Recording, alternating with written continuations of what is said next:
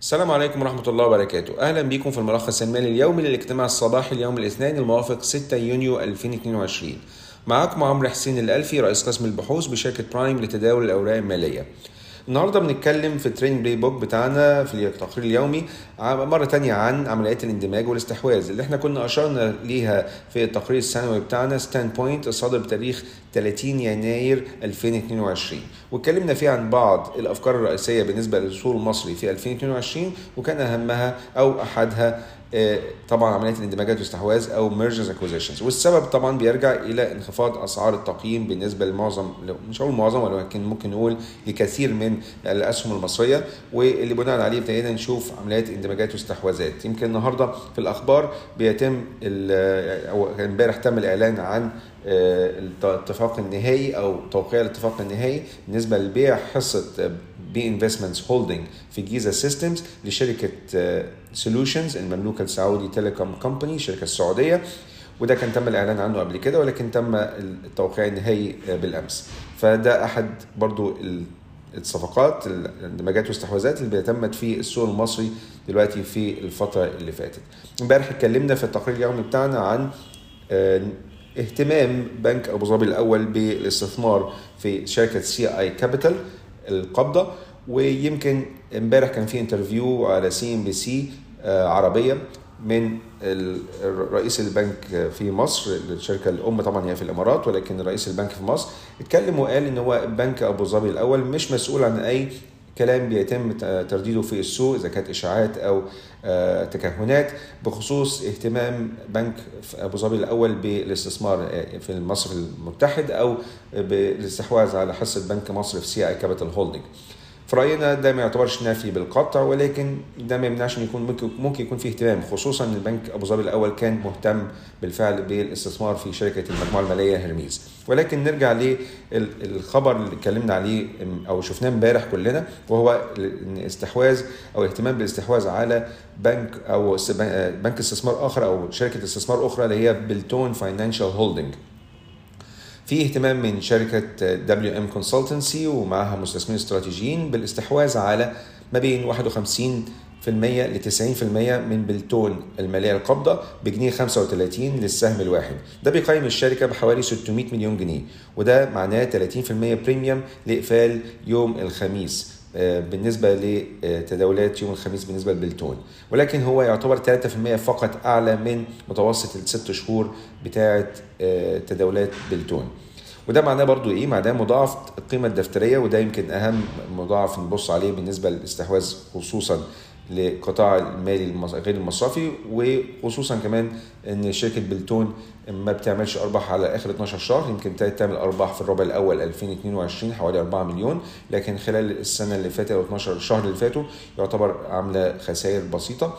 فبالتالي إحنا بنبص على مضاعف القيمة الدفترية. نتكلم على الجنيه 35 بتقيم شركة الاستثمار أو شركة الاستثمار بلتون على 1.6 من عشرة مرة مضاعف قيمة دفترية. ولكن لو بصينا على المضاعف القيمة الدفترية الملموسة بعد تجنيب قيمة الشهرة المحل الموجودة في الميزانية العمومية بتاعت الشركة هنلاقي إن التقييم دوت بيمثل حوالي 2.1 مرة مضاعف قيمة دفترية. ده مقارنة ب طبعا اللي بيحصل أو تقييمات السوق بالنسبة لل EFG بيتكلم على فاصل 8 مرة و CI Capital اللي هي 1 وواحد من عشرة مرة. يعتبر تقييم طبعا قوي جدا أو مرتفع مقارنة بالشركات المثيلة الموجودة في السوق. ولكن نجاح أو فشل عرض الاستحواذ دوت لأن هو في حد أدنى ب 51% هيعتمد بالصورة الكبيره على القرار الاستثماري بالنسبة لأوراسكوم Financial Holding اللي بتملك 58% حصة استراتيجية في بلتون فعندنا two options بالنسبة لأوراسكوم Financial Holding اللي سهمها برضو ارتفع بعد القرار أو الخبر اللي طلع امبارح أول حاجة إن هي ممكن تفكر إن العرض دوت يكون غير مناسب لأن هو بيمثل تقريبا 50% أقل من تكلفة الاقتناء بتاعة أوراسكوم Financial Holding بالنسبة لحصتها في بلتون وبالتالي ده هيبقى يعتبر خسارة راس ماليه وإنه ممكن لو كبر ال businesses بتاعه بلتون في الفترة القادمة خصوصا إن هي بتتوسع في نشاط المالي غير مصرفي زي التمويل الاستهلاكي والتمويل العقاري والتاجير التمويلي فبالتالي ممكن تكبر القيمة وخصوصا هي ابتدت تعمل أرباح في في الأربع الربع الأخير.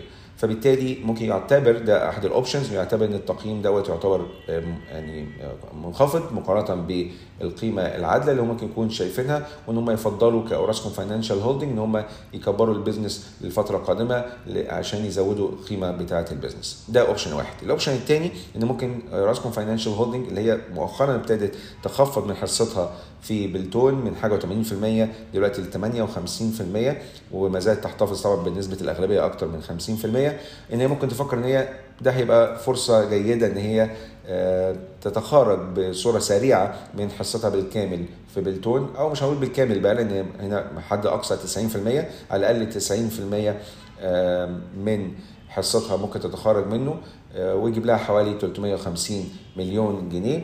فبالتالي إحنا بنتكلم عن ممكن تخارج سريع يوفر سيولة نقدية لأوراسكوم Financial Holding اللي بناء عليه تقدر تعيد استثمار هذه الأموال في مجالات أخرى.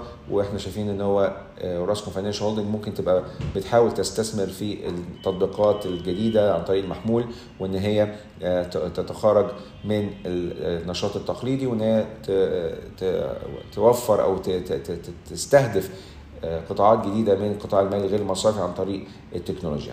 فده يعتمد بالأخص على استراتيجية أوراسكوم Financial Holding. إذا كانت هتكمل في شركه بلتون أو هتتخارج عشان تعيد استثمار هذه الاموال في استثمارات أخرى. ولكن بغض النظر عن القرار ده بيشير مرة أخرى لمدى رخص الأسهم المصرية مقارنة بتقييماتها العادلة ودي اللي بيشجع المستثمرين طويل الأجل إن هم يستثمروا في الشركات المصرية. بالنسبة لباقي الأخبار عندنا شركة موبكو أرباحها طبعا زي ما متوقع إن هي تعمل ارباح قوية جدا لأن هي طبعا مستفيدة من ارتفاع أسعار اليوريا وارتفاع أحجام المبيعات. شفنا إن هي إرباحها وصلت 2.1 مليار جنيه مقارنة ب 793 مليون جنيه في السنة اللي فاتت. ده كان في الربع الأول 2022 زيادة الأرباح كان ناتجة عن ارتفاع الإيرادات بأكثر من الضعف 111% سنة على سنة ارتفاع توصل ل 4.2 مليار جنيه. وده نتيجة مبيعات ارتفاع المبيعات وارتفاع أسعار اليوريا والأمونيا. شركة أبو قير الأسمدة أعلنت عن الانتهاء من الصيانة الدورية بالنسبة لمصنع أبو قير 3 اللي تم الانتهاء منه ما بين فترة ما بين 7 مايو ل 2 يونيو 2022. بالنسبة للمجموعة المالية هيرميس الشركة تابعة ليها الذراع الاستثماري بالنسبة للتأجير التمويلي والتخصيم أعلنت عن إصدار سندات بحوالي 500 مليون جنيه من ضمن كشريحة أولى من ضمن برنامج 3 مليار جنيه. شركة Pioneers Properties المنبثقة من شركة Pioneers Holding الشركة العقارية أعلنت عن أرباح 343 مليون جنيه من بداية نشاط الشركة كشركة منفصلة في سبتمبر 2021 حتى نهاية مارس 2022 الإيرادات وصلت ل 2.6 مليار جنيه. شكرا لكم والسلام عليكم ورحمة الله وبركاته.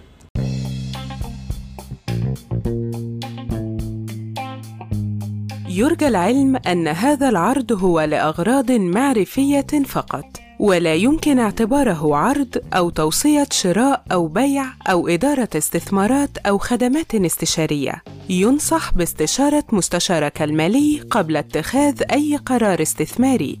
الأداء التاريخي ليس مؤشرا يعتمد عليه لتحديد الأداء في المستقبل.